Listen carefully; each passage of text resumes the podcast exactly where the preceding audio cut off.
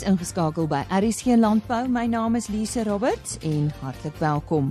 Ons praat ver oggend oor voersorgim en fokus veral op die vergiftiging wat hierdie weidingsgewas veroorsaak.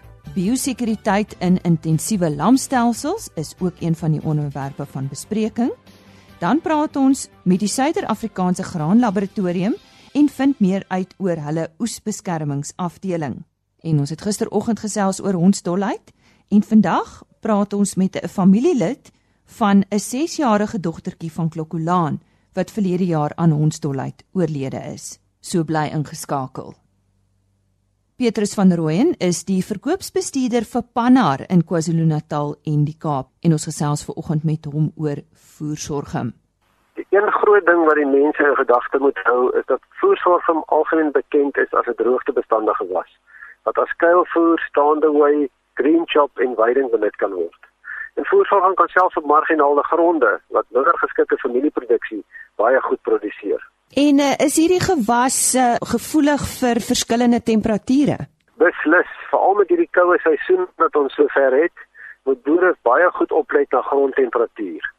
Voersorging moet geplant word as die daaglikse minimum grondtemperatuur 18 grade Celsius bereik het daar gaan beslis boere wees wat geplant het en wat probleme gaan ondervind want as die gronde koud is, kry jy verdwynsiekte en jy gaan geen oes kry op daai land nie. Wat van grond waarin dit geplant word? Hou voorsorging van 'n spesifieke grond? Ja, voorsorging kan verbou word op verskeidenheid van gronde, maar dit vaar nie goed op suurgronde nie. So 'n presentasie suurversadiging van minder as 20% en 'n pH op KCl toets groter as 5 moet gehandhaaf word want as die suurversadiging baie sleg is sal ons hom ook nie goed produseer nie. Kom ons gesels oor vergiftiging. Kom dit in hierdie plante voor? Voorsorging is geneig om blousuur en nitraatvergiftiging te veroorsaak en dit is 'n baie uh, algemene verskynsel wanneer die voorsorging onder stremming gaan of wanneer hulle dan dan gaan hulle in 'n dormansiefase en die plant produseer gifstowwe om seker te maak hy kan oorleef as hy weer kan begin groei. Petrus brei bietjie uit op die blou suur en uh, nitraatvergiftiging. Boere moet veral oplet dat daar twee verskillende vergiftigings kan voorkom. Blou suurvergiftiging is seker die een wat die beste bekend is en dit is ook uh, bekend as cyanietvergiftiging. Nou wat hier gebeur is cyaniet kan deur die rumen opgeneem word en aan die hemoglobien wat suurstof vervoer bind. En dit verhoed dan dat die hemoglobien suurstof van die organe afgee en die dier versmoor effektief. En dit is uh een van die mees uh algemene uh, vergiftigings. En diere kan binne 5 minute na, na na die inname en tekens van vergiftiging kan hulle al vrek. En wat die boere ook aan moet oplet is die simptome van die siekte. Uh simptome wat uh, sluit in moeilike asemhaling, oorafskeiding van speeksel en stuittrekkings. Wat ook baie uh, gebeur is die plante is verlet en dit bou dan die blousuurvlakke of die sianietvlakke op in die plant en veroorsaak die vergiftiging. En dan kyk ons na nitraatvergiftiging. 'n Nitraatvergiftiging is eintlik maar baie dieselfde as blousuur. Uh, wat hier gebeur is dit is tegnies nie nitraatvergiftiging nie, maar nitrietvergiftiging. Die nitraat in die roeming word omgeskakel na nitriet wat weer omgeskakel word na ammoniak en dan aminosure wat uiteindelik na proteïene omgeskakel word. So indien die plante buitengewone hoë vlakke van nitraat bevat, kan dit nie vinnig genoeg na die proteïen omgeskakel word nie. En dan beland die nitriet in die bloedstroom van die dier en uh, dit bind ook aan die hemoglobien wat suurstof vervoer en uh, dan is daar nie meer suurstof wat na die uh, organe van die dier toe kan gaan nie en natuurlik vrek die dier as gevolg daarvan. En dan simptome hiervan is uh ook onrustigheid, donker slijmvliese, vinnige asemhaling, gereelde urinering en bloedbelope oë. Wat stel jy voor as 'n produsent nou uh, vermoed dat sy diere vergiftig is? Wat is die beste ding om te doen? Is daar iets wat hulle self kan doen? Boere kan self iets doen, maar die beste opsie is om so gou as moontlik 'n veearts te kontak, dat hy kan uitkom. Uh met blousuurvergiftiging kan die boere uh, 'n swaal aanvulling uh, gee wat kan help dat hulle kan uh, minder blousuur kry. Maar hulle moet verseker dat daar altyd skoon drinkwater beskikbaar is vir die diere. En met die nitraatvergiftiging uh kan dit met met betalleen blou behandel word uh wat dan ook sal seker maak dat die diere nie so gemaklik vryt nie. Nou uh boere moet seker verseker dat hulle ten alle tye genoeg skoon drinkwater gee vir hulle diere. Dit is baie baie belangrik want drinkwater kan ook dan uh, verseker dat van hierdie gifstowwe uh, kan verdun word in die bloed en kan dan ook help om van hierdie vergiftigings te kan voorkom. Goed, uh, Petrus, as iemand nou verder wil lees hieroor, het julle dalk iets so iets op julle webtuiste as jy dit net vir ons kan gee asseblief. Uh ja, enige tyd die die produsente kan ons webtuiste besoek by www.pannar.com. Uh en daar is ook 'n info@pannar.co.za waar hulle kan navraag na te stuur en ons sal so gou as moontlik dit uh, terugvoer gee waar moontlik. En dit was dan Petrus van Rooyen, hy is verkoopsbestuurder vir Pannar in beide KwaZulu-Natal en die Kaap. Vir ons volgende onderhoud skakel ons nou oor na Henny Maas. Ons gaan uh, nou so 'n bietjie gesels oor oor biosekuriteit en spesifiek biosekuriteit in uh, intensiewe lamstelsels. Nou ons praat daaroor met Dr Paul Reynolds van Dundee. Hy is 'n veearts daar en ons wil 'n bietjie by hom weet uh of uh, biosekuriteit in intensiewe lamstelsels ietsie ekstra vereis. Paul, dit is natuurlik so as 'n mens intensief met 'n ding werk en dan moet jy ook waarskynlik 'n uh, intensiewe maatreëls tref. Ja, môre dit uh dit is so. Um in hierdie intensiewe stelsels en bestuur is enige ding waar jy 'n dier druk om beter te um om om om beter te presteer, is daar maar meer stres en dit gaan om um druk en en ander siektes en ander dinge uit goed wat jy gaan meer moet beheer, ja. En die feit dat hulle dat hulle so by mekaar is speel ook 'n rol, né?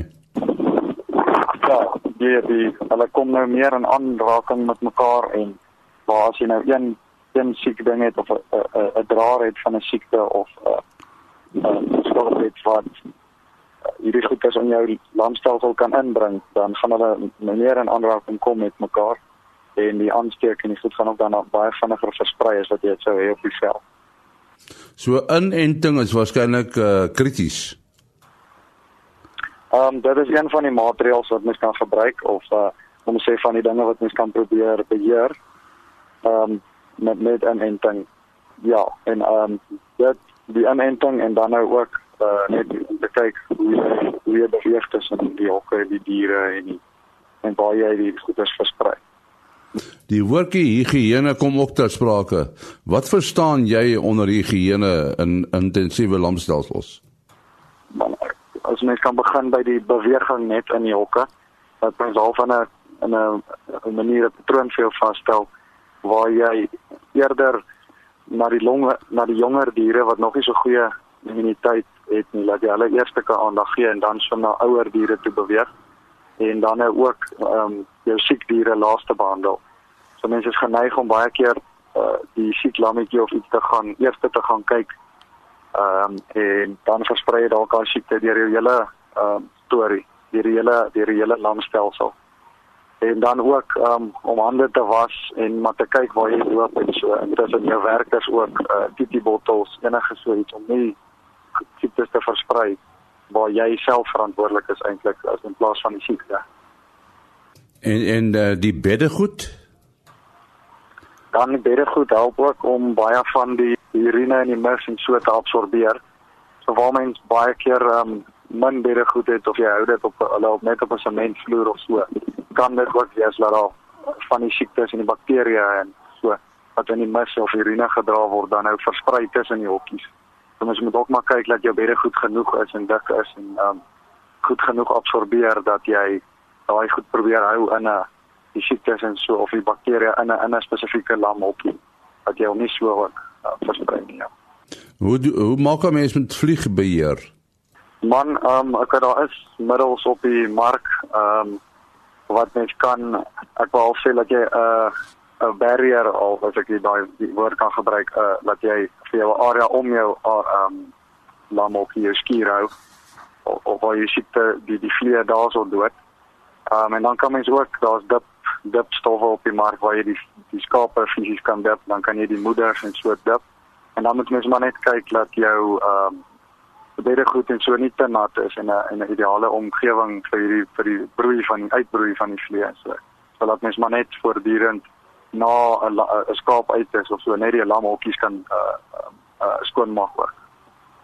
En die oormatige gebruik van hokkies baie keer is 'n hokkie naby geleë of hy's die naaste aan 'n aan 'n goeie hoekie of so en dan as mens geneig om hom oor te gebruik.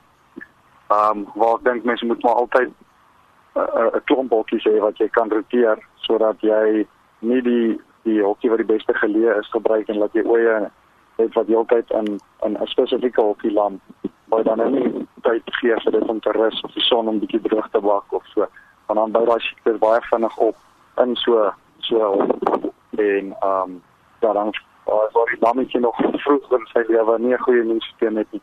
Tel hy dan baie van daai bakterieë op wat nou opgebou het in die hokkie. So roteer maar net is is die ding. Ehm um, hou boek laat mens kan roteer uh en genoeg rus gee. So dit is nou 'n hele klompie dinge wat jy uh oor gepraat het. So die die wagwoord is maar seker uh intensiewe bestuur, né? Nee? Ja, saam met die intensiewe, ja, alles moet gaan intensief. So dit dis boekhou, boekhou, boekhou. Mens moet kyk waar jy alle wat jy van van jou inentings na jou hokkies, na jou tye, na ja, intensiewe bestuur. Ons sê baie dankie aan Paul Reynolds, Dr. Paul Reynolds, 'n veearts op Dundee. Dankie Henny. 'n Oesbeskermingsafdeling is 'n nuwe toevoeging tot die Suider-Afrikaanse Graan Laboratorium. Om ons meer hiervan te vertel, is Cecilia Breed. Sy is die tegniese spesialis by die Oesbeskermingsafdeling. Sy verduidelik eers wat die fokus van hierdie afdeling is. Goeiemôre. Ons afdeling analiseer die middels wat deur die produsente aangewend word om hulle oeste te beskerm teen insekte, fungi en onkruid, beide vir registrasiedoeleindes as ook dan vir kwaliteitsbeheer. Ek verstaan dat alle landbouchemiese middels eers geregistreer moet word voordat dit versprei en gebruik mag word en ek dink ons produsente weet dit ook nou al teen hierdie tyd. Maar wat behels hierdie proses?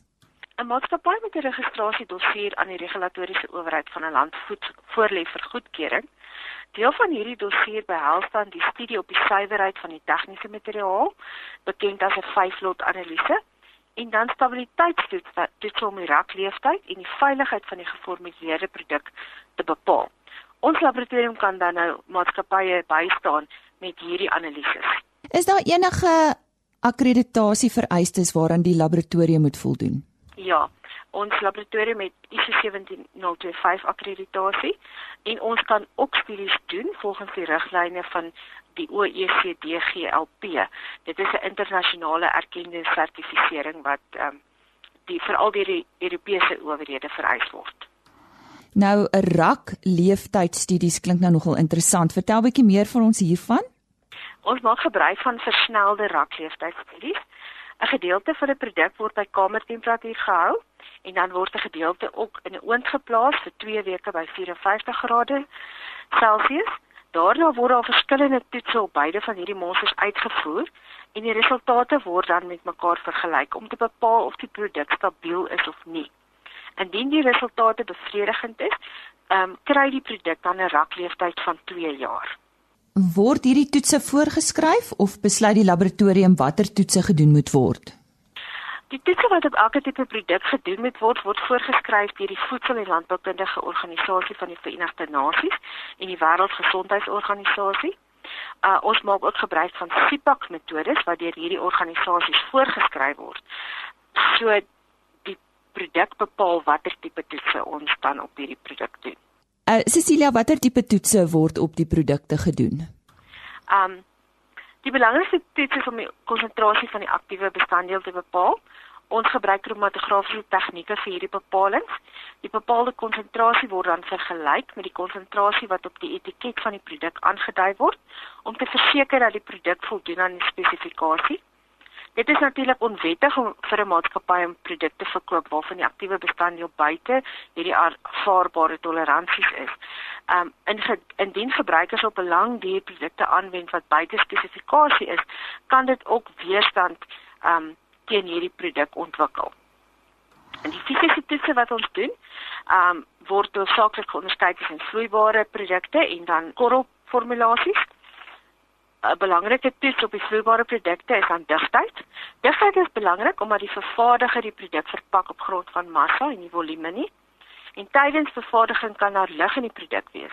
Indien die produk dan verpak word op grond van volume en en die lig ontsnap, dan kry die produsent net 'n halwe kan op sy plaas en uh, jy kan nou nog gaan indink oh, hy gaan nie beïndruk wees nie. Viskositeit. Ehm um, ons kyk ook daarna, dit is die vloeibaarheid van die produk en in indien die produk tydens die storing ehm um, en vervoer dik word, dan kan die produsent sukkel om die produk uit die kan uit te kry. Ehm um, het jy al probeer om koue stroop uit 'n bottel uit te kry? So dit is min of meer dieselfde effek wat mense dan daai. Anders iets wat ons kyk is partikelgrootte. Ons gebruik twee verskillende toetse hiervoor, laser diffraksie. Daar kyk ons na die grootte van die partikels met behulp van 'n laser. Indien die partikels vergroot is, kan hulle nie deur die plante opgeneem word nie. Verder kan dit ook veroorsaak dat die partikels uitsak of onder in die kan gaan lê. Die boer kry dan 'n dik sedimentlaag onder die kan en 'n waterige bo-laag. Die ander toets is 'n nat siftoets. Ons spoel 'n gedeelte van die formulasie met water deur 'n sif. Die gaatjies van die sif is so 38 mikron groot.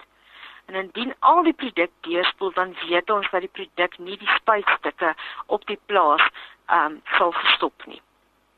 Ons kyk ook na skyn. Ons bepaal die hoeveelheid skyn wat gevorm word wanneer 'n produk met water verdun en gemeng word. Uh geen produsent wil 'n skynbad in sy mengtank hê nie. Ons doen ook verskeie homogeniteitstoetse om te verseker dat wanneer die produk gemeng word met water, daar 'n eweredige verspreiding van die aktiewe bestanddeel in die mengtank is. Indien die aktiewe bestanddeel uitsak en onder in die mengtank gaan lê, gaan die eerste gedeelte van die land net met water bespuit word en die laaste dele gaan net met aktiewe bestanddeel behandel word.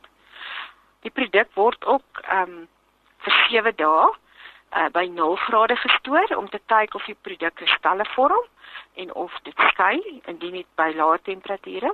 Ons weet dat sekere gedeeltes van ons land baie koud raak en jy moet verseker dat die produk stabiel is op by koue temperature. Daar's ook verskeie toetse wat uitgevoer word op korrelformulasies. By korrelformulasies is belangrik dat die produk in 'n korrelvorm bly en nie stof bevat of in 'n stofpoeier verander tydens berging, hantering en vervoer nie uh stof hou altyd 'n gesondheidsrisiko in, veral vir die plaaswerker wat die sakke moet oopmaak en die korrels hanteer. Vir die toetse wat ons uitvoer op korrels is dan waterinhoud. Indien die korrel korrelformulasie te nat is, kan die, die korrels maklik kompakteer of selfs mif. Indien die korrels te droog is, kan dit maklik verbrokkel en stof vorm. Ons bepaal ook die hoeveelheid stof in die produk self en dan kyk ons na storing onder druk. 'n Gedeelte van die korrels word onder druk in oond in die oond gestoor by 54 grade vir 2 weke. Daarna word die vloeibaarheid van die korrels en die hoeveelheid stof wat gevorm het bepaal. Attrition resistance, ehm um, dit is dan nou ook die weerstand wat korrels bied om nie kleiner te word nie of in 'n poeier te verander. So ons doen daarvoor ook en hierdie toets word word die vaste hoeveelheid van die korrel saam met 'n vaste hoeveelheid gras glaskrale in 'n bottel geplaas. Dit word al 4500 keer geroteer en daarna word bepaal watter persentasie van die produk nog steeds korrels is en hoeveel stof gevorm word. Cecilia baie dankie vir al hierdie inligting. Indien 'n produsent vermoed dat 'n produk nie aan standaard voldoen nie, kan hulle julle kontak hiervoor en indien wel uh watter kontakbesonderhede moet gebruik word. Ja, produsente is baie welkom om ons te kontak. Ons sal hulle met graagte help. Hulle is meer as welkom om na ons webbladsy te gaan kyk by die SAGL en al die besonderhede en kontakbesonderhede is daar beskikbaar. Die stem daarvan Cecilia Breed, sy is die tegniese spesialis by die oesbeskermingsafdeling van die Suider-Afrikaanse Graan Laboratorium of die SAGL. Ek het gisteroggend met Dr Liesel Wasserman, 'n veearts van Klokkolaan oor hondsdolheid gesels. Vanoggend praat ons met Werna Venter. Sy is die tannie van die 6-jarige Carly wat verlede jaar in Klokkolaan aan hondsdolheid oorlede is. Sy is ook die verteenwoordiger van die Carly Rooi Vlag Hondstolheid bewusmakingsprojek. Sy vertel eers vir ons van Carly. Baie dankie vir die geleentheid. Verlede jaar Julie maand het Carly dit is in die winter, sy het 'n bietjie begin siekerig voel. Mamma, pappa het haar dokter toe gevat. Die Saterdagoggend dokter het gesê nee, wat klink na griep vir hom. En uh, um, hulle het anders hulle sê mag gou miskien die saad Sondagoggend net weer gaan Bloemfontein wat hulle naaste groot dorp is want hy bly Klokkelaan op 'n plaas. Laat hulle net na die na, na die longetjies luister wat 'n bietjie gesuising gehad het. Sonder enige ergste vermoede is my boetie toe met haar weer Bloemfontein toe. En toe sy in Bloemfontein aankom, het Karel net agteruit gegaan. Hulle het van die een toets na die ander ander toets gedoen op daarvan ehm um, breinvliesontsteking tot ehm um, klimberei getoets. Hulle kon net nie agterkom wat is fout met haar nie. Sy is toe wel daai aand oorlede. En dit was die Sondag gewees. Die Woensdag het ons toe nou uitgevind dat dit positief hondstolheid is. Carly was nooit nooit gebyt deur 'n hond nie. Dit was 'n skok vir ons gewees want waar het dit opgedoen? Hmm. En uh, um, met ons navorsing goed het ons wel agtergekom dat net nie noodwendig deur 'n byt oorgedra word of 'n krap oorgedra word nie, maar deur die speeksel van enige besmette dier. So Carly moet dit vermoedelik opgetel het deur 'n hond wat dan miskien gelek het. Ons sal nooit weet nie. Ehm um, okay. ja, en en ek dink dis half wat julle met hierdie bewusmakingsveld tog uh by mense wil bevestig is dat ja, vertel ons bietjie wat wat wil julle met hierdie be bewusmakingsveld tog bereik, Werna? Okay. Ons het nog ons baba skoene, maar ons grootste doel is nie is om mense ouers en veral boere bewus te maak van die gevaar van hondsdolheid. Ehm dis die eerste ding. Die tweede ding is inenting van jou diere is baie belangrik. Dis 'n wet in ons land dat enige troeteldier eienaar verplig is om jou troeteldiere in te ent. Jou hond en jou kat moet ingeënt word. Dan uh, die tweede ding is is dat ons wil graag eintlik die klein op die boere. Ehm um, het al gesit met 'n kind en jou kind verduidelik. Dit is gevaarlik om aan enige dier te vat. Die die gevaar van hondsdolheid wat kan gebeur? En uh, as ek 'n scenario kan skep is dat as jou dier nie ingeënt is teen hondsdolheid nie jy sê vandag by die huis nie hondsdolheid word uh, oorge uh, word oorgedra deur um, diere soos mongoose en leeukaai en jakkalsies en goedes jy sê vandag by die huis nie. 'n meerkat kom jou erg byt jou hond die meerkat het ons toe net die hond lekker aan jou, jy gaan aan die meerkat verlaat jou erf vrek op 'n ander plek mm. en jy weet nooit dat jou hond besmet is met hondstolheid nie. So dit is baie belangrik dat die mense moet bewus wees dat hond om 'n inenting te doen is baie baie belangrik. Mm. En dan ja. op die boere As jy die fondse het en jy weet jy kan op heeldag blootgestel aan diere op plase of op plotte en jou kind in teen hondsdolheid. Jy kan dit doen. Hmm. Mense kan ingeënt word teen hondsdolheid want jy hmm. weet nie waar beweeg jou kind in die dag op die plaas rond nie. Hmm. Soos Carly was 'n veldkind gewees en 'n dierekind. So sy was heeldag omring deur diere en, en in die veld. So Jy sê hierdie bewusmakingsveld tog is nou nog in sy baba skoene. Wanneer het julle nou eintlik hiermee begin? Carly was nou Julie maand was sy nou 'n jaar oorlede. Ons het daai week nadat sy oorlede is, terwyl ons nou gewag het vir die begrafnis en goed het ons besluit met bietjie besluit sy kon nie verniet sterf nie. Sy kon nie verniet doodgaan aan iets soos hondstolheid en dit in die Vrystaat nie. Mm. En ons het toe daar begin met die idee van um, ons wil iets stig. Ons was baie gelukkig om Living Bull van haar en my so jy en ons kan te kry en hulle het vir ons gehelp met ons eerste bewusmaking dag wat ons gehou het in Klokkelaan self. Ons het die Carly rooi vlag sportdag gehou. Waar was verskeie skole kom netbal en rugby speel en ons die mense nie bewus gemaak het oor die hondsdolheid. Mm. en van daar af het ons nou maar stadig begin. Nou is ons weer betrokke by RSD dis die rugby skills development waar ehm um, ons ook betrokke is in Pretoria waar ons waar, waar daar gereeld kinders is wat ons hulle bewus gemaak van die hondsdolheid. So ons probeer maar by plekke soos dit vir die kinders dit leer. Moenie aan vreemde honde vat of katte of goed. Dis nie iets opstel as jy nie weet wat is die toestand van die dier nie. Nou hoe kan mense betrokke raak by die voorkoming en die bewusmaking van hondsdolheid in Suid-Afrika? Wat dink jy? Ja, ek sou sê jy kan eerstens die grootste ding is is inenting van jou diere. Boere op die plase en dit kinders in. tweede sal ek sê besoek die rooi die Kali rooi vlag hondstol bewusmaking. Ons sit gereeld goedjies in daarso om te sê wat nuus is daar en waar is ons en wat gaan aan. Die naam is skenking vir baie gawees want uh, ons het geldies nodig om plakate te druk vir om dit uh, uit te gee met inligting oor hondstolheid wat gedoen moet word en dan ook jouself kan kan woord of versprei as jy met jou mense praat en vra is hulle diere ingeënt? As jy byvoorbeeld op 'n plaas bly of op 'n plof of in jou eie huis is praat met jou eie werkers wat stel jou werk hoor net of hulle die diere ook ingeënt is. Op 'n September maand gewoonlik die 28 September is nasionale global rabies awareness.